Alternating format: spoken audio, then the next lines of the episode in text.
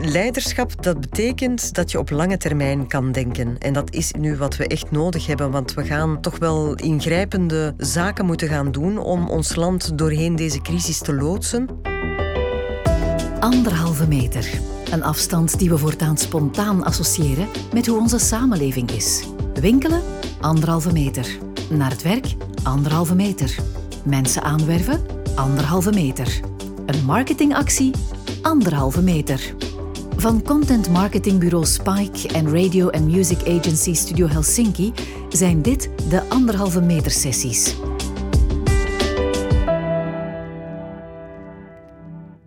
Welkom bij de eerste aflevering. Waar gaat onze economie naartoe? Hoe gedraag je het best tijdens een recessie? Wie wint en wie verliest?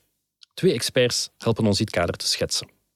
Enerzijds Veronique Goossens, hoofdeconoom van Belfius, anderzijds Johan Lambrecht, hoogleraar economische wetenschappen aan de KU Leuven Campus Brussel en auteur van het boek Economie, de essentie zonder formules.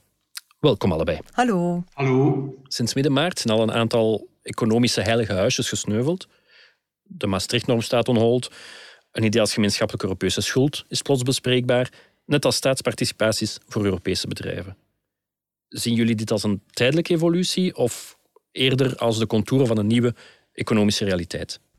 Ik zie heel duidelijk de contouren van een nieuwe economische realiteit. Om met het eerste te beginnen, die Maastricht-normen. Dus dat wil zeggen dat je niet meer dan 3% in deficit mag gaan met je begroting.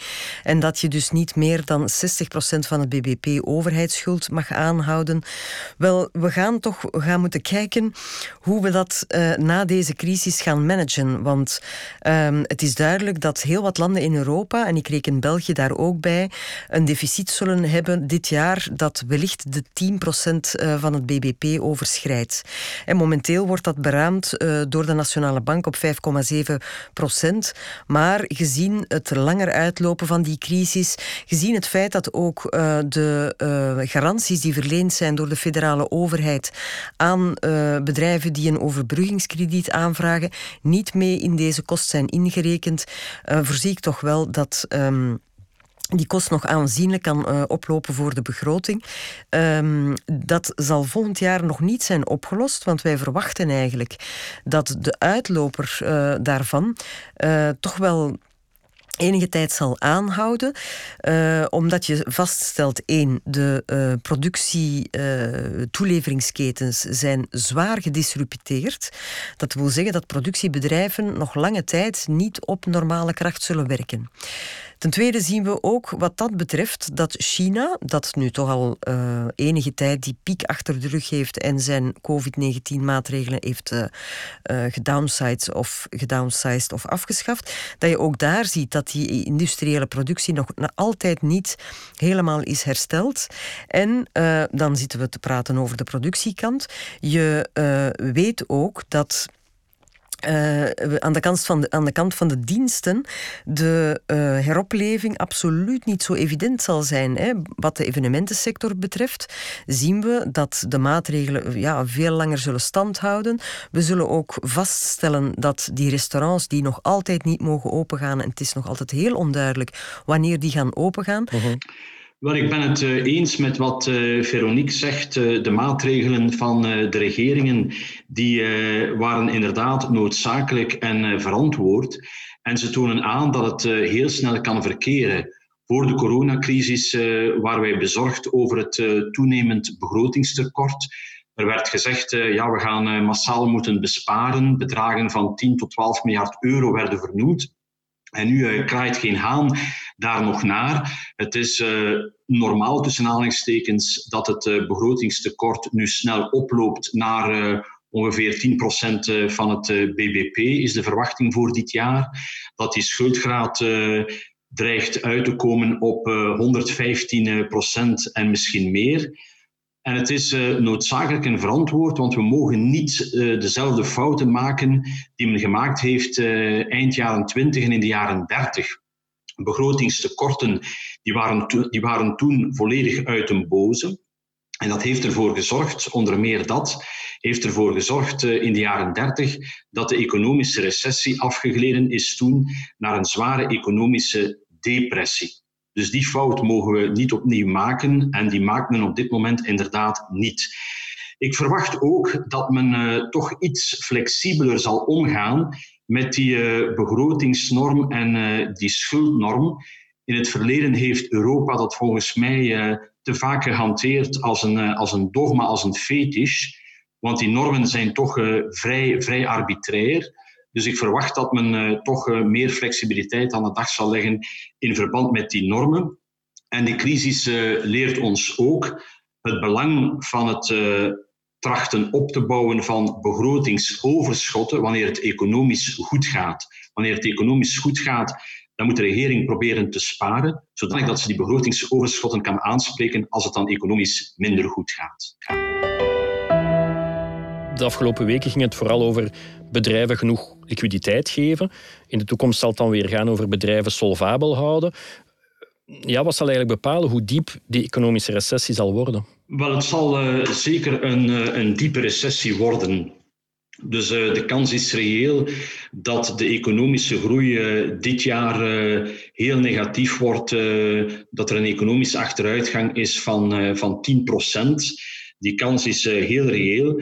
Maar volgens mij gaat het ook in de toekomst over liquiditeit. Okay. En ik denk dan in zonderheid aan onze KMO's, kleine en middelgrote ondernemingen, voor hen is uh, liquiditeit nu heel belangrijk. Voldoende cash, voldoende geld op rekening hebben. Maar dat wordt ook voor de KMO's in de toekomst uh, cruciaal. Mogen niet vergeten, een KMO is geen grote onderneming in het klein. Een KMO kan niet lang zonder uh, geld op rekening. En een KMO kent doorgaans veel meer schommelingen van de inkomens. Vandaar dat liquiditeit zo belangrijk is voor eh, KMO's. Dat is vaak een kwestie van eh, leven of dood voor de kleine en middelgrote ondernemingen. Dat eh, is nu het geval, maar dat zal ook in de toekomst het geval zijn. Veronique, wat zal volgens u bepalen hoe diep de recessie zal zijn? Wel, als we het hebben over die liquiditeit en die solvabiliteit, dan stellen we vast dat heel wat KMO's in ons land voor de crisis al daar toch al wat last mee hadden.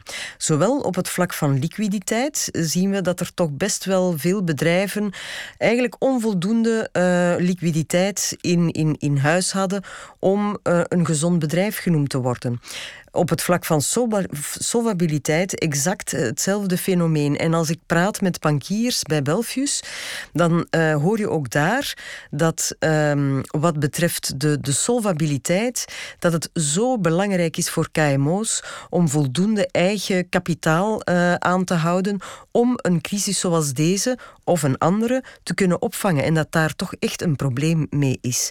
Wij hebben zelfs becijferd, en dat is onlangs nog gebeurd, nu wel op, basis van cijfers uit uh, eh, 2017, dat 16% van de KMO's eh, zowel een probleem heeft met solvabiliteit als met liquiditeit. En we kunnen verwachten dat deze bedrijven het heel moeilijk zullen hebben om bij de banken overbruggingsfinanciering te vinden, omdat zij die eenvoudigweg niet mogen geven. Als we nu kijken naar hoe dat garantiefonds is uh, opgesteld geweest, de federale regering heeft voor 50 miljard aan garanties beloofd voor uh, bedrijven die een overbruggingskrediet aanvragen van 12 maanden. Maar uh, een van de voorwaarden is dat je uh, op het eind van de maand februari geen achterstallige RSZ-bijdragen, BTW-betalingen, um, uh, nog achterstallige aflossingen aan kredieten mocht hebben. Wel, ik vrees dat daar heel wat bedrijven toch ja, niet, niet voor in aanmerking komen en dus ook die garantie niet kunnen genieten. Ik weet niet over welke cijfers u beschikt, Johan. Um, stemt dat wat overeen met, met uh, onderzoek dat u heeft gedaan daaromtrent? Wel, uh, we zien dat uh, België relatief meer wat men noemt zombiebedrijven heeft. Inderdaad. Meer dan in, onze, in onze buurlanden. 10 tot 12 procent van de, van de bedrijven in ons land werd voor de crisis al beschouwd als een zombiebedrijf. Wat is een zombiebedrijf? Dat is een, een bestaand bedrijf dus geen nieuw bedrijf, een bestaand bedrijf, waar eh, de bedrijfswinst gedurende meerdere jaren ontoereikend is voor de betaling van de rente op de aangegane schulden. En men stelde ook vast dat bedrijven langer in de zombie-toestand verkeren, onder meer dankzij de, de zeer lage rente voor uh, de crisis. En het is misschien hard uh, wat we nu gaan zeggen, maar ja, het is misschien niet slecht dat dergelijke bedrijven verdwijnen, want ze zijn toch uh, schadelijk, schadelijk voor uh, de economie. Op die manier krijg je immers een, een zuivering in het economisch weefsel en kan de productiviteit, kan de levensstandaard verhogen. Exact. Ja, dat is inderdaad hard om te zeggen. En zeker in deze omstandigheden uh, als boodschap naar ondernemers toe. Van uh, er moeten een aantal zombiebedrijven uit. Maar het is een problematiek die al jaren wordt aangekaart door uh, denktanken zoals de OESO, het IMF. Maar ook de Nationale Bank heeft daar al een aantal keer voor gewaarschuwd. Dat eigenlijk die massa aan zombiebedrijven een probleem is voor onze economie. Waarom is dat zo? Zij onttrekken kapitaal aan onze economie economie, die op een betere manier zou kunnen ingezet worden. Maar zij onttrekken ook talenten uit onze economie. Als je kijkt naar de krapte op onze arbeidsmarkt, dan zou het misschien wel niet slecht zijn dat die talenten die dan daar zitten in die bedrijven, dat die elders veel productiever kunnen ingezet worden. En wij hebben in België inderdaad een, een probleem aan productiviteit. Die is eigenlijk uh, niet meer hersteld geraakt na de financiële crisis. Dat is natuurlijk een, een, een westers probleem, hè, dus dat is niet alleen een, een, Belgisch probleem. Maar we hebben het hier wel over de welvaart van morgen. Als wij morgen een, een, een, even, een even um, omarmende samenleving willen behouden, dan is het van kapitaal belang om die productiviteit omhoog te krijgen. En dat is een van de factoren die daarvoor zou kunnen zorgen dat je een soort uitzuivering krijgt, hoe hard die boodschap ook klinkt. Het is inderdaad uh, heel belangrijk dat een uh, economie functioneert zoals een uh, draaideur. Dat wil zeggen, het is noodzakelijk dat bedrijven stoppen, want op die manier krijg je ook instroom van nieuwe bedrijven. Die instroom van nieuwe bedrijven, dat leidt dan opnieuw tot uitstroom van bestaande bedrijven. Dat is die combinatie van uh, creatieve destructie en vervangende creativiteit. En dat samenspel is inderdaad uh, heel belangrijk, zoals Veronique aangeeft, voor de productiviteit die de laatste jaren te zwak is in, eh, in België. We hebben zelfs eh, een jaar gehad eh, waar er een negatieve groei was van de productiviteit. Productiviteit verhogen, minder zombiebedrijven. Zijn er nog zaken waar we ja, strategisch moeten over nadenken voor de periode die nu, nu komt, Veronique? Eigenlijk zou het bijzonder mooi zijn dat we deze crisis aangrijpen om onze economie echt op een duurzame manier te transformeren. Dat was al aan de orde voor uh, COVID-19 uitbrak, maar dit is eigenlijk een, een manier om dat proces te versnellen. Natuurlijk hebben we dan op dat moment bedrijven nodig, sterke bedrijven, vaak zijn dat familiale bedrijven en daar uh, is België zeer rijk aan, die op zeer lange termijn kunnen denken. En die dus nu durven investeren in uh, een, een, duurzame uh, manier van, van produceren en dienstverlening um, te verlenen. maar niet alleen dat, ook de digitalisering, die eigenlijk toch wel veel trager verliep dan voor Ook daar is het belangrijk om, uh, om daar verder in te gaan investeren en zo eigenlijk onze productiviteit naar een hoger niveau te tillen. Dus ik hoop inderdaad dat we voldoende van dit soort bedrijven hebben die dat durven. Ik weet een aantal gevallen van bedrijven die daar op dit ogenblik mee bezig zijn. Dan moet je diepe zakken hebben en je moet eigenlijk ook enorm veel moed hebben, want na COVID-19, wat komt er dan? Komt er dan een nieuwe handelsoorlog? Gaat die zich, gaat die zich um, verdiepen? Wat met Brexit, waar wij als Belgen heel gevoelig voor zijn. Dus je moet verdorie durven vandaag als ondernemer om um, die, die keuze te maken, strategisch te denken en op langere termijn. Want die duurzame economie, we gaan daar sowieso naartoe moeten gaan. Uh, en ik, uh, ik ben ervan overtuigd dat dat een, een, een zeer juiste keuze zou zijn. Oké. Okay. Johan, ziet u nog andere strategische elementen? Wel, ik hoop ook dat men uh, de crisis aangrijpt om naar een ander economisch model te gaan. En ik ga nu even naar het niveau van een, van een land en van landen. In de 20e eeuw was de economische doelstelling meer kwantitatieve economische groei. Het bruto binnenlands product, BBP, dat moest uh, en moet jaarlijks toenemen. Volgens mij zou dat niet meer de doelstelling mogen zijn in, in deze eeuw. Volgens mij moet de doelstelling veel meer iets kwalitatiefs zijn, waar economische groei een middel en een gevolg kan zijn, maar het zou niet langer het doel mogen zijn. En er zijn een aantal economen die daar de laatste jaren toch interessante zaken over hebben uh, gepubliceerd. Ik denk aan de Britse econoom Kate Raworth. Zij uh, heeft het over uh, de donut-economie.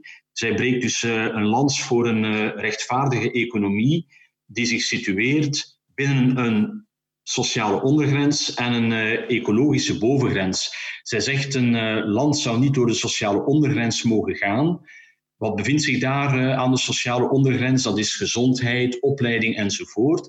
Maar een land zou ook niet door het ecologisch plafond mogen gaan, want dan uh, wordt dat land geconfronteerd met klimaatverandering, luchtverontreiniging, verlies van biodiversiteit uh, enzovoort. En zij stelt zeer duidelijk, ja, we zouden weg moeten gaan van die economische groeiverslaving, verslaafd zijn aan die kwantitatieve economische groei. Zij ehm, pleit voor een radicaal ander groeipad. Ze noemt dat uh, met een zeer beladen term groeiagnosticisme. En ze bedoelt daarmee een economie die uh, menselijke welvaart, menselijk welzijn voortbrengt, ongeacht of dat, dat BBP nu stijgt, daalt of gelijk blijft. Een andere interessante stem in dat groeidebat is die van de Franse econoom Serge Latouche.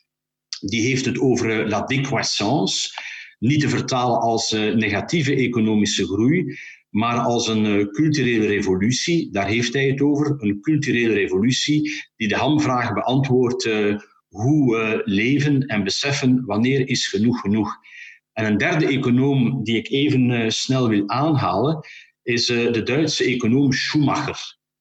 Bekend van het boek Small is Beautiful, gepubliceerd in 1973 u weet, economen zijn zeer goed eh, in het voorspellen achteraf, ex post.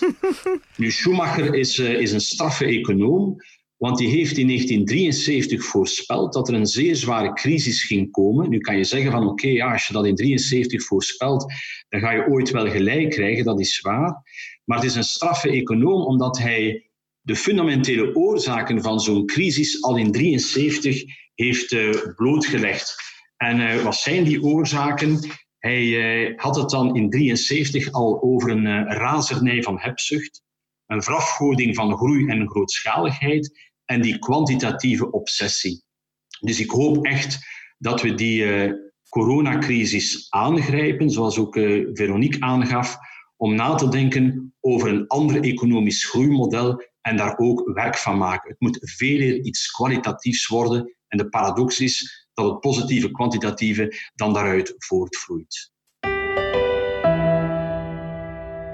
De wereld morgen, de economie morgen, zal enorm verschillen van sector tot sector, denk ik. Uh, sommige sectoren, horeca, entertainmentsector, daarnet ook al door, Veronique aangehaald, zijn ja, zeer zichtbare voorbeelden van sectoren die het heel moeilijk gaan hebben.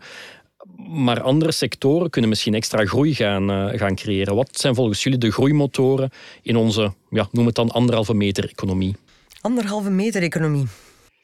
Wel, ik denk dat elke, dat elke sector allee, belangrijk kan blijven. Uh, volgens mij gaat het niet over, uh, ja, we gaan nu moeten uh, de groeisectoren gaan selecteren en daarop inzetten. Dat mag een overheid niet doen. Een overheid is daar trouwens niet goed in, in bepalen wat zijn nu de sectoren van, van morgen. Want we mogen niet vergeten dat ook traditionele sectoren nog altijd belangrijk zijn en belangrijk gaan blijven. Want ook in traditionele sectoren moet men mee evolueren, moet men zeer innovatief en, uh, en vernieuwend zijn. Daarnet uh, verwees uh, Veronique naar familiebedrijven. Als ik kijk naar familiebedrijven van minstens 100 jaar oud, die vaak actief zijn in de traditionele sectoren, wel, die borduren voort op het verleden, want die beseffen dat het verleden een voorsprong geeft. Je moet er natuurlijk een moderne insteek aan geven. Je mag niet lijden aan de illusie van de continuïteit. Maar die honderdjarige familiebedrijven, die gebruiken bijvoorbeeld het verleden voor vernieuwing. Zij maken echt gebruik van die combinatie van uh, wat ik zou noemen voorvaderlijke know-how en, uh, en technologie. Ze verwoorden het ook zeer mooi, ambachtelijk waar het moet, modern waar het uh, kan.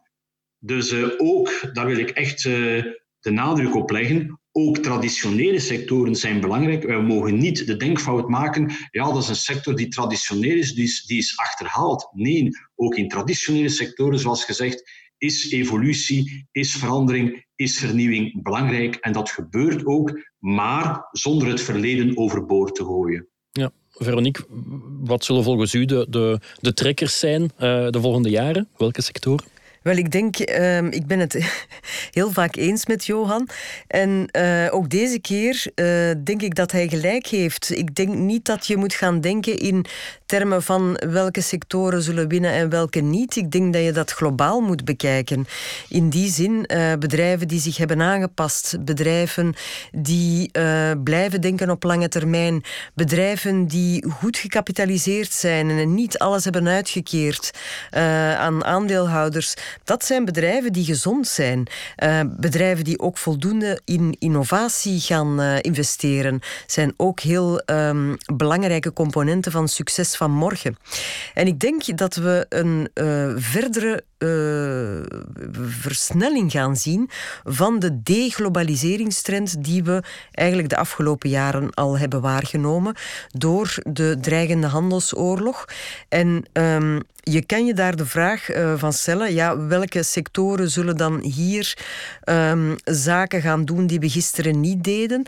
Wel, ik denk dat dat voor een stuk uh, ook wel strategisch zal worden, in die zin dat je je kan voorstellen dat farmaceutische bedrijven die bijvoorbeeld heel veel geoutsourced hebben richting India bijvoorbeeld, of richting China, dat die nu wel eens twee keer gaan nadenken en zich de vraag stellen, moeten we dat niet allemaal hier houden? Maar je kan dat verder door doortrekken naar um, alle componenten van de industrie. Als je nu als industrie of als een industriële speler geconfronteerd wordt met het feit dat je niet meer aan je grondstoffen geraakt of dat je niet meer aan een onderdeel van um, je machine geraakt om daar verder mee aan de slag te gaan, dan ga je nu op zoek naar andere partners en dan ga je die dichterbij zoeken. En dan vind je die meestal ook wel. Daar zal een kostprijs aan hangen, en de gevolgen daarvan zullen zijn dat we uh, enerzijds uh, als Europese consument misschien geconfronteerd zullen worden met duurdere producten. Want dat is eigenlijk ook iets wat altijd als argument werd aangehaald um, om niet te deglobaliseren. Van ja, maar ja, dan, dan, dan wordt het duurder en dan gaan we economische groei missen. Dat laatste, ik ben daar niet zo van overtuigd, eerlijk gezegd. Ik denk dat we, um, en dat sluit dan ook aan bij de, de economen uh, waarover Johan zo, zo net heeft gesproken, dat we uh, ons gaan beginnen afvragen als consument, willen we nog uh, elke maand tien Chinese producten kopen of gaan we niet eerder één Europees product kopen deze maand dat veel kwalitatiever is, dat zorgt voor welvaart in Europa. En ik wil daar niet mee zeggen dat, dat we nu plots geen wereldhandel meer gaan hebben, dat, dat zal altijd blijven bestaan Alleen zullen we toch wel vaststellen dat heel wat dingen weer terug naar hier zullen uh, gehaald worden. En um, met, met, met positieve gevolgen. Alleen die transitie zal eventjes moeilijk zijn. Hè? Vandaar dat je ook die, dat, zal ook die disruptie in die uh, productieketens voor een stuk onder stress blijven zetten. Hè? Dat, je, dat je dat soort van transitie nu wel zal um, ondervinden in, uh, in die hele industriële sfeer bijvoorbeeld. Nee, ik kan dat uh, zeker en, uh, en graag beamen. Hè. We hebben uh, vanaf de tweede helft van de jaren tachtig het verschijnsel van de hyperglobalisering. En dat werd als zaligmakend voorgesteld. Die hyperglobalisering kwam tot uiting in een zeer versplinterde productie met die wereldwijde toevoerketens. Maar de crisis heeft geleerd dat dat een land, dat dat bedrijven heel kwetsbaar kan maken. En uh, ik verwacht en hoop dat we naar een uh, andere globalisering zullen gaan. Geen uh, protectionisme, dat zou verkeerd zijn, maar wel een andere globalisering. Productie meer in eigen land en in buurlanden. Aanvaarden dat stok of voorraad aanleggen, dat dat verantwoord kan zijn. En nu kenden wij de just-in-time productie. De voorraad moest nul bedragen of bijna nul bedragen. Want anders uh, dat te veel uh, werkkapitaal op voorraad. We zien ook het uh, belang van betrouwbare en kwaliteitsvolle leveranciers. Het discours in het verleden was vaak ook, ja, je moet je leveranciers niet te snel betalen, want dat soort andermaal werkkapitaal op. En ik verwacht ook minder, minder uitbesteding. In bepaalde sectoren werkt men met honderden, zelfs duizenden toeleveraars. Ik verwacht dus dat dat ook zal dalen. En ik vind dat positieve gevolgen uit de crisis, dus dat we die andere globalisering kennen. Een, een deel van onze luisteraars zijn, zijn marketeers. Hoe belangrijk zijn marketing en communicatie volgens jullie om, om ja, dit herstel aan te, aan te vatten? Wel, het is um, in die wereld op dit moment toch wel um, heel spannend. Je stelt vast bijvoorbeeld dat uh, heel wat bedrijven hun marketinginspanningen of hun, hun, budgetten voor marketing, en dat zijn doorgaans uh, managers die niet in de directie, directiecomité's zitten van, uh, van grote bedrijven, dat ze die zwaar naar beneden hebben teruggeschroefd. Omdat natuurlijk op een moment dat je geen omzetten binnenkrijgt of dat je omzet zwaar onder druk komt, dan begin je te snoeien in die kosten die je zo snel mogelijk kan uh. En, en reclamebestedingen zijn daar een onderdeel van. Dit gaat verregaande gevolgen uh, hebben voor bijvoorbeeld uh, mediabedrijven. Ik stel nu al vast bijvoorbeeld dat. Uh, de vrijdagavondprogramma's van uh, een, een, um, een, nationale zender worden geschrapt. Hè. Live uh, evenementsprogramma's, zal ik maar zeggen, waarin je allerlei product placement hebt. Dat, dat, die worden afgeschaft op dit moment of uitgesteld, omdat er geen inkomsten zijn. Je hebt nog nooit zoveel kijkers gehad, want iedereen zit gewoon Klopt. thuis. En tegelijkertijd stel je vast dat, uh, dat, er, dat er geen inkomsten zijn voor die programma's. Dus het heeft totaal geen zin om die uit te zenden en dan kiest men maar voor een andere programmatie. Dus ik hoop dat hier geen accidenten gaan gebeuren. Anderzijds is het natuurlijk wel zo dat uh, de echt sterke bedrijven nu echt in, in zelfs in, in, in, een crisis als de deze of in een zware economische recessie court, um, er, er goed aan doen om uh, te blijven communiceren. Dat zijn geen weggegooide gelden. Het, het is eigenlijk nu dat je je, je merkidentiteit um, nog, nog, kan, uh, nog kan verscherpen. Dus um, ja, laat ons hopen dat er, dat er voldoende uh, van dat soort budgetten toch besteed blijven worden, zodanig dat we zeker in die um, mediasfeer toch niet al te veel problemen gaan krijgen later. Als het gaat over marketing en, en communicatie, dan uh, vind ik het uh, heel belangrijk dat de daden van de bedrijven overeenkomen met de woorden. En uh, dat is toch niet altijd het geval. We zien dat ook nu weer tijdens de crisis. Enkele maanden geleden, bijvoorbeeld in de Verenigde Staten, hebben heel wat CEO's van grote bedrijven gezegd: ja, wij moeten oog hebben voor de verschillende stakeholders of belanghebbenden van een bedrijf. We mogen uh, niet uh, onze aandacht uh, richten op één stakeholder. In het verleden was dat dan vaak de aandeelhouder of de eigenaar. Maar het is toch niet evident om dan de daad bij het woord te voegen. Maar ik geloof heel sterk als het gaat over marketing en, en communicatie, geloof ik heel sterk in het model waar dat men waarde creëert als bedrijf voor de verschillende stakeholders ik heb dat uh, het, uh, het groots ondernemen genoemd, dat men uh, grootste service biedt aan de klanten, dat men zorgt voor grootste werkplaatsen, dat men grootste relaties aanknoopt met leveranciers, grootste bijdragen ziet te leveren tot de lokale omgeving enzovoort. Maar wat heel belangrijk is als het gaat over die waardecreatie, het moet volwaardige waardecreatie zijn. Dus we moeten oog hebben voor de verschillende stakeholders en niet uit zijn op het behagen van één belanghebbende. En het moet ook consequente of coherente waardecreatie zijn. Ik zie te vaak gebeuren dat bedrijven bijvoorbeeld uh, begaan zijn met het milieu. Dat is heel mooi, dat is uh, zeer goed. Maar dan tegelijkertijd beslissen om hun leveranciers zo laat mogelijk te betalen. Wel, dat is geen consequente waardecreatie. Het is heel belangrijk dat de bedrijven vertrouwen uitstralen en uh, vertrouwen opwekken bij de verschillende stakeholders. En we zien uh, nu al tijdens de crisis dat een aantal bedrijven die van de minste daartegen hebben gezondigd, die reputatieschade hebben uh, geleden. Ik verwijs opnieuw naar de Verenigde Staten, waar sommige heel grote bedrijven genoten hebben van overheidssteun bestemd voor KMO's, terwijl ze die steun eigenlijk niet nodig hadden en hebben. Zij zijn dan oké in het oog van de storm gekomen, hebben dan beslist om die steun terug te betalen, maar ondertussen gaat dat wel gepaard met serieuze reputatieschade. Dus we moeten echt doen wat men uh, predikt.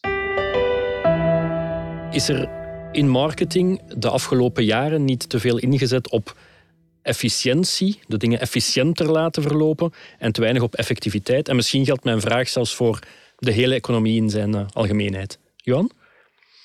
Absoluut, ja. Ik ben blij dat je, die, uh, dat je die vraag stelt. Ten eerste is het heel belangrijk dat men het verschil kent tussen efficiëntie en effectiviteit. Effectiviteit, dat gaat over de juiste zaken doen. Dat is strategie. Efficiëntie, dat gaat over de zaken juist doen. Maar je moet eerst bepalen wat zijn de juiste zaken die we gaan doen. Je moet eerst de effectiviteit bepalen en de efficiëntie moet dan functie zijn van uh, die uh, effectiviteit. Maar uh, heel vaak beweren bedrijven dat ze een strategie hebben, maar ze zijn bezig met efficiëntie, dat is geen strategie. En ze gaan dan strategie vertalen in termen van, ja, we willen de beste zijn in onze sector van activiteit. Nogmaals, dat is efficiëntie, dat is geen effectiviteit. En uh, om het verschil nog duidelijker te maken tussen uh, efficiëntie en effectiviteit, zou ik een aantal managementdenkers willen citeren. Pieter Drucker onder meer heeft ooit gezegd, er is niets zo absurd, niet zo dwaas, als op de meest efficiënte manier doen wat helemaal niet moet gedaan worden. Russell Eckhoff, een andere managementdenker, zegt iets gelijkaardigs. Hij zei ooit, al onze problemen vloeien voort uit het feit dat wij de verkeerde zaken juister doen. Hoe efficiënter je bent in het doen van de verkeerde zaak, hoe foutiever je wordt. En we hebben inderdaad de voorbije jaren, de voorbije decennia, zowel de overheid, maar ook de bedrijven, hebben uh, veel te veel ingezet op uh, efficiëntie, waardoor dat we zijn afgegleden naar een, een managementmaatschappij en uh, ik zou ervoor willen pleiten dat we terug meer leiderschap krijgen. En leiderschap, dat is, dat is effectiviteit. Maar het gaat over de combinatie van leiderschap en management, van effectiviteit en efficiëntie. Maar nogmaals, efficiëntie moet effectiviteit ten goede komen. Je moet eerst die effectiviteit bepalen. Maar de inzet op die steeds grotere efficiëntie heeft ertoe geleid dat de robuustheid, de veerkracht en de doeltreffendheid van bedrijven danig is gehypothekeerd geraakt. Ja, inderdaad. En, en wat je ook vaststelt, die, die, dat streven naar efficiëntie en alles in Excel-sheets uh, proberen te vatten, dat je de creativiteit doodt van mensen. Mensen moeten ook vertrouwen krijgen. Als je mensen kan laten doen wat ze het best kunnen, als ze uh, vertrouwen krijgen, dan kan je zoveel meer uit mensen halen. En voor een stuk doodt die drang naar efficiëntie en het alles willen vatten in cijfertjes en commas, uh, voor een stuk ondergraaft dat de, de, de mogelijkheden van de mens. Over naar een, uh, een andere actor, een hele belangrijke actor vandaag en morgen, de overheid. Welke rol moet de overheid gaan opnemen de komende maanden, jaren, in jullie ogen, Veronique? Ja, eh, leiderschap. Wij hebben echt leiderschap nodig. Um, en, en duidelijkheid, goede communicatie. En leiderschap, dat betekent dat je op lange termijn kan denken. En dat is nu wat we echt nodig hebben, want we gaan um, ja, toch wel ingrijpende zaken moeten gaan doen om ons land doorheen deze crisis te loodsen. Maar ik voorzie dan ook dat we leiderschap zullen nodig hebben op Europees niveau. En dat wordt een, een, een steeds belangrijker niveau als we uh, de muntunie, zoals we die kennen, als we die willen behouden. De divergentie tussen de verschillende landen is alleen maar groter geworden in de jongste jaren. En we hebben geleerd uit de financiële crisis 2008-2009 dat net die divergentie, eigenlijk meer uit de crisis die daaruit voortgevloeid is, 2011, de eurocrisis, dat die divergentie te groot was. En Achteraf stellen we vast, tien jaar later, dat die divergentie alleen nog maar groter is geworden. Dat is geen goede zaak. Als je een muntunie wil hebben, dan moet je naar elkaar toe groeien en dan moet er op zijn minst solidariteit zijn. Die is er nu totaal niet. En je stelt dat ook vast bij de besluitvorming omtrent een uh, gemeenschappelijke Europese aanpak om deze crisis te bezweren. We kunnen niet alles in handen leggen van de ECB, want die heeft echt wel haar limieten. We hebben dus een heel sterk antwoord nodig vanuit Europa, naast alle antwoorden die we al gekregen hebben vanuit de lidstaten, maar dus ook dat Europese antwoord om ervoor te zorgen dat die euro uh, bewaard kan gebleven worden. Als we dat niet krijgen, dan vrees ik dat we uh, opnieuw afglijden in een situatie waarin die financiële markten daar toch twijfels over gaan beginnen krijgen. En dat is absoluut niet wat we, wat we willen. Dus uh, alstublieft, leiderschap. Um, en um, ja, dan kijk ik toch wel terug naar de periode voor de euro van start ging. Toen was het toch blijkbaar dat leiderschap daar om samen aan tafel te gaan zitten en tot overeenstemming te komen over het pad dat moest gevolgd worden. En dan kregen we toch die, um, die convergentie die, die nodig was om zulk uh, ambitieus uh, idee voor elkaar te krijgen.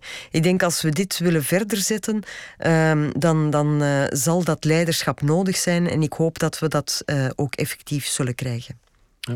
Uh, als ik uh, daar mag aan toevoegen, hè, als het gaat over overheidsingrijpen, de rol van de overheid. Ik denk dat de crisis andermaal duidelijk maakt dat de overheid nodig is. Ja. En uh, wanneer dat er een debat gaat komen over uh, het uh, economisch herstel en welke maatregelen voor dat economisch herstel, als debat gaat komen, dan vrees ik dat we daar weer een tegenstelling gaan krijgen tussen diegenen die pleiten voor meer overheid en diegenen die pleiten voor minder overheid. Ik vind dat een, een fout debat, want je krijgt dan heel snel een, een heel steriel debat wat we nodig hebben, dat is een, een sterke, slagvaardige overheid. En ook de overheid moet de juiste zaken juist doen. Als ik nog even mag uh, teruggaan uh, naar wat uh, Veronique zei in verband met de euro en de muntunie. Dat is juist en dat toont aan de zware constructiefout die men heeft gemaakt bij de lancering van de euro.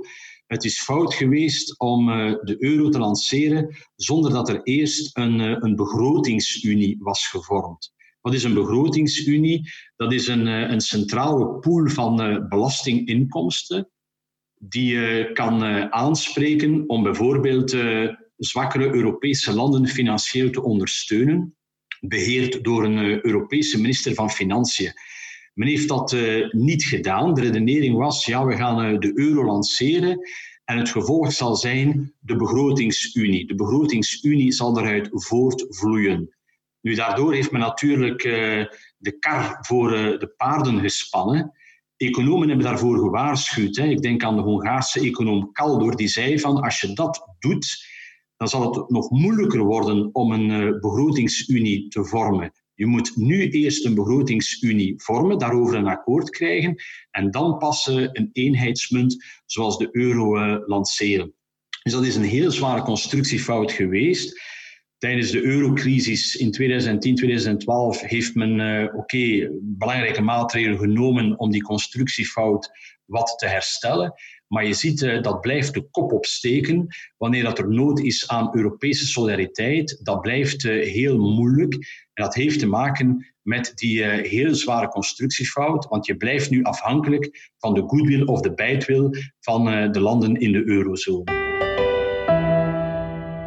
Is het, het overheidsingrijpen ook het punt waarop deze economie het meest fundamenteel zal verschillen van de vrije markteconomie die we de voorbije decennia gekend hebben?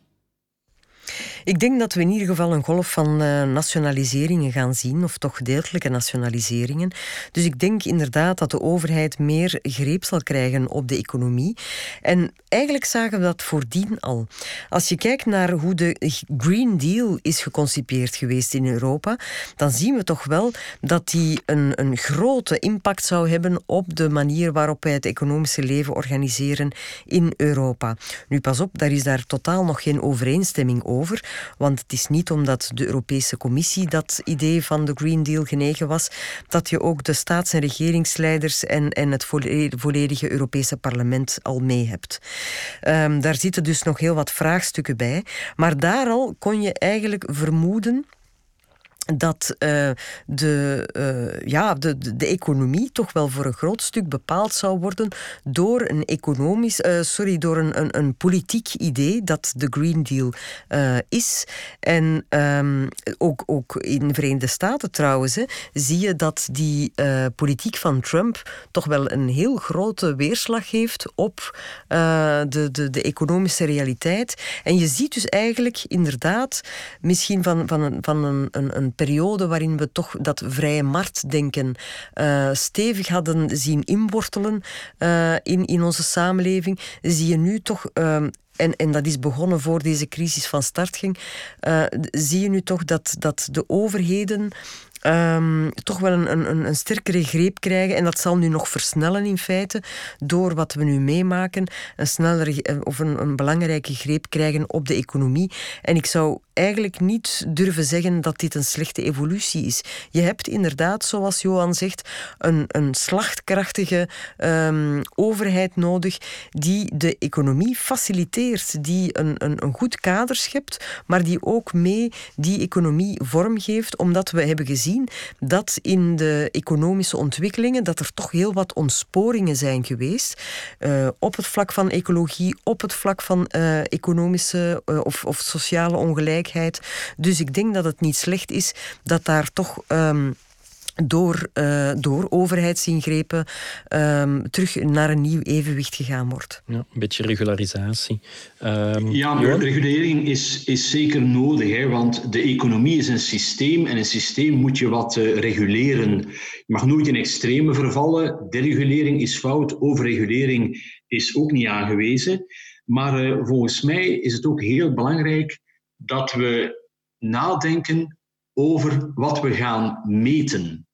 Nu uh, staren wij ons blind, zoals dat net ook al uh, aangehaald, we staren ons blind op uh, die kwantitatieve economische groei, de evolutie van dat bruto binnenlands product of BBP, dat is de klassieke graadmeter voor economische groei.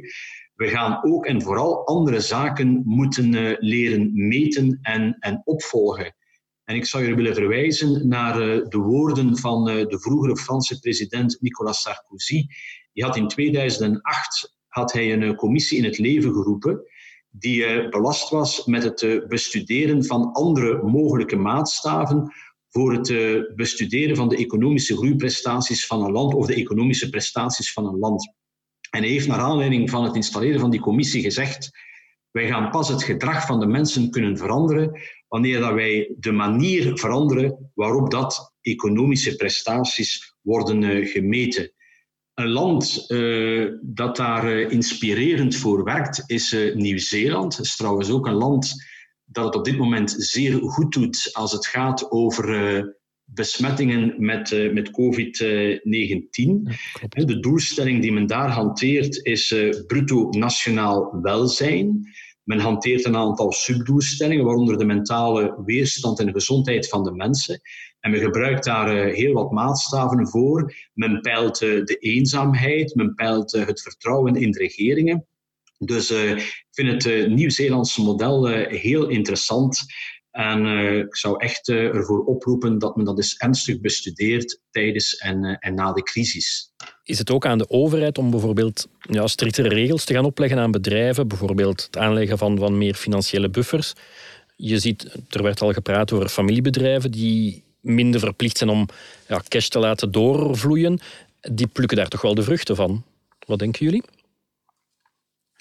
Wel, familiebedrijven zijn, uh, zijn doorgaans solvabeler omdat zij dus uh, ja, toch wel belang hechten aan, uh, aan eigen vermogen, aan autofinanciering. En daardoor is hun uh, solvabiliteit vaak, vaak sterker. Maar ik zou dat niet gaan, gaan opleggen als overheid. Dat is heel moeilijk. Dat is de verantwoordelijkheid van, van de bedrijfsleiding en van bijvoorbeeld een raad van bestuur om te waken over de financiële gezondheid van een bedrijf. En dan kom je terecht bij drie parameters. Er moet rendement zijn, rendabiliteit of winstgevendheid. Het bedrijf moet solvabel zijn, voldoende eigen vermogen hebben. En het bedrijf moet liquide zijn, moet geld op rekening hebben. Daartegenover staat dat de overheid toch wel in de gaten houdt hoe het bijvoorbeeld eh, gesteld is met de solvabiliteit van eh, bedrijven. Wij kennen de alarmbelprocedure. Wanneer het eigen vermogen daalt en wanneer het eigen vermogen minder bedraagt dan de helft van het kapitaal, dan uh, wordt die alarmbelprocedure actief. En het kan gebeuren, en dat gebeurt ook in de realiteit, dat de rechtbank dan dat bedrijf oproept om ehm, ja, uitleg te krijgen van kijk, hoe ga je die situatie rechtzetten? Hoe ga je ervoor zorgen dat dat eigen vermogen terug toeneemt? Maar dat uh, gaan opleggen van overheidswegen, van kijk, ja, je moet zoveel solvabiliteit hebben enzovoort, dat is, dat is heel moeilijk. Maar op een indirecte manier is de overheid daar wel nu al bij betrokken. Ja, Veronique, is het ook niet een soort mentaliteitskwestie? Vroeger had je heel veel had ondernemers, ja, het was echt een, een, eh, een race om, om met heel veel risico een groot, snel een groot imperium op te bouwen. Maar dan zit je wel met een schuldgraad van uh, eh, 400 eh, miljoen euro, noem maar op. Is dat een soort ja, ondernemerszin die we nog gaan zien in de toekomst, of toch minder? Ik denk dat je dat soort van ondernemerszin altijd wel uh, zal blijven zien. Um, wat, wat dat betreft kan ik vaststellen, we dat, dat wordt publiek vastgesteld, is dat als je kijkt naar de Amerikaanse bedrijven en hoe zij hoge toppen scheren op Wall Street in de afgelopen jaren, dan kan je vaststellen dat dat niet zozeer te maken heeft, heeft met de, de onderliggende economische groei. Eigenlijk zou, uh, de beursstijgingen voor, toch voor een stuk moeten um, uh, corresponderen met uh, de economische groei die daaronder onder zit. Hè. Dus de beurskoersen moeten toch ergens um, die, die anticiperen altijd op, op wat er gaat komen, uiteraard. Maar als je kijkt naar die steile opgang van Wall Street in de afgelopen jaren en je kijkt naar de economische groei, dan voel je dat daar iets niet juist zit. Je hebt natuurlijk ook uh, het beleid dat gevoerd is door de centrale banken enzovoort. Maar je stelt anderzijds ook vast dat de Amerikaanse bedrijven de aandeelhouders toch wel heel erg verwend uh, hebben. Namelijk door eigen aandelen in te kopen. Hè, dus door uh, de, de cash die ze in huis, in huis hadden, door die te gaan gebruiken om het aantal aandelen te verminderen. Zodanig dat je de, de winst over minder ouders moet gaan uitkeren. En uh, ook toekoer, het, het uitkeren van, van dividenden, zie je de, dat die toch wel een, een, een hoge hogere vlucht hebben genomen. En daar zit iets, dat, dat heeft iets heel cynisch vandaag. Want wat stel je vast dat heel wat bedrijven in de problemen komen en dat dus eigenlijk. Um, het bedrag dat besteed is in de afgelopen jaren, uh, ik heb het bedrag nu niet in mijn hoofd zitten, maar het bedrag dat de afgelopen jaren is besteed geweest aan inkoop van eigen aandelen. Uh, en, en, en extra dividenden uitkeren, dat dat bedrag nu nodig is geweest van de overheid om Amerikaanse bedrijven te redden, ja, dan voel je dat dat, dat toch wel een, een, een heel cynische evolutie is geweest. Absoluut. Johan? Dat is juist. Hè? Dat is juist. Uh, als ik bijvoorbeeld uh, kijk naar uh, de, de Standard Poor's 500 bedrijven, dan zien we dat die Standard Poor's 500 bedrijven de voorbije jaren meer hebben uitgegeven aan dividenden en de terugkoop van eigen aandelen dan aan investeringen. Terwijl de investeringen van vandaag ja, de winsten van, uh, van morgen kunnen zijn. Mhm. Maar als ik uh, nog even mag, uh, mag terugkomen naar, naar die vraag, hè, ondernemers oogsten lof wanneer dat zij daar een snel groeiend bedrijf uitbouwen met heel, veel, heel veel schuld. Ik moet zeggen dat mij dat altijd, maar wie ben ik, dat mij dat altijd gestoord heeft, dat er heel veel aandacht ging naar uh, dat soort ondernemingen die uh, snel kwantitatief uh, groeiden en ja, niet zelden door heel veel schuld aan te gaan. Mhm. Terwijl de waarde van een bedrijf laat zich niet meten door zijn grootte of zijn groeiritme. Uit wetenschappelijk onderzoek blijkt overigens dat er geen enkel verband is tussen omzetgroei enerzijds en betere financiële bedrijfsprestaties anderzijds. Mogen ook niet vergeten, als je kijkt naar een bedrijf dat zeer snel is gegroeid, de financiële situatie van dat bedrijf is vaak vergelijkbaar met een failliet bedrijf. Dus uh, men focust uh, te lang op, uh, op heel gevaarlijke doelen, hè, zoals bijvoorbeeld rendement op het eigen vermogen. Hou dat eigen vermogen laag, hè, dan stijgt dat rendement op het eigen vermogen. Zoals ja, de econoom Haim Minsky ons heeft geleerd, wanneer een land, maar zeker ook een bedrijf, te veel schulden aangaat, ja, dan leidt dat heel vaak tot een zeer grote kwetsbaarheid. Slotvraag. Is onze economie stevig genoeg om nog een nieuwe crisis, nieuwe schok op te vangen? Kan een tweede coronagolf komen? Er kunnen ook, ja, uh, wie had voorspeld een half jaar geleden dat we uh, nu hier zouden, zouden zitten? Er kan iets helemaal anders gebeuren. Hoe denken jullie daarover, Veronique? Um, dat er een tweede schok kan aankomen, dat um, is inderdaad niet zo'n zo'n ver idee. Hè. Daar uh, hebben virologen ons, ons, toch al voor gewaarschuwd. Het is zo, hoe langer die lockdown-maatregelen duren, hoe, um, hoe meer schade de economie gaat, uh, gaat leiden. Dus het uh, valt te verwachten dat als zo'n tweede lockdownperiode uh, eraan komt, dat de, de risico's op faillissementen vergroot zal worden. En als je, hoe meer faillissementen je krijgt, hoe groter de kans op grote ontslagrondes, um, herstructureringen, groter werkloosheid, consumentenvertrouwen dat langdurig geschaad blijft. En dan zit je in een soort, ja, in, in een soort visieuze cirkel. Dus wat ik mij afvraag is op dit moment, wij hebben een federale overheid die gelukkig um, het initiatief heeft genomen, genomen om een, uh, een garantie in het leven te roepen voor overbruggingskredieten. Ik vraag mij af of de periode die nu um, in dat systeem zit, namelijk je kan als bedrijf gaan aanvragen om een overbruggingskrediet te krijgen voor een jaar, of dat niet zou moeten uitgebreid worden. Want ik vraag mij af of die twaalf maanden eigenlijk wel voldoende zijn. Johan, wat, wat denk jij daarvan?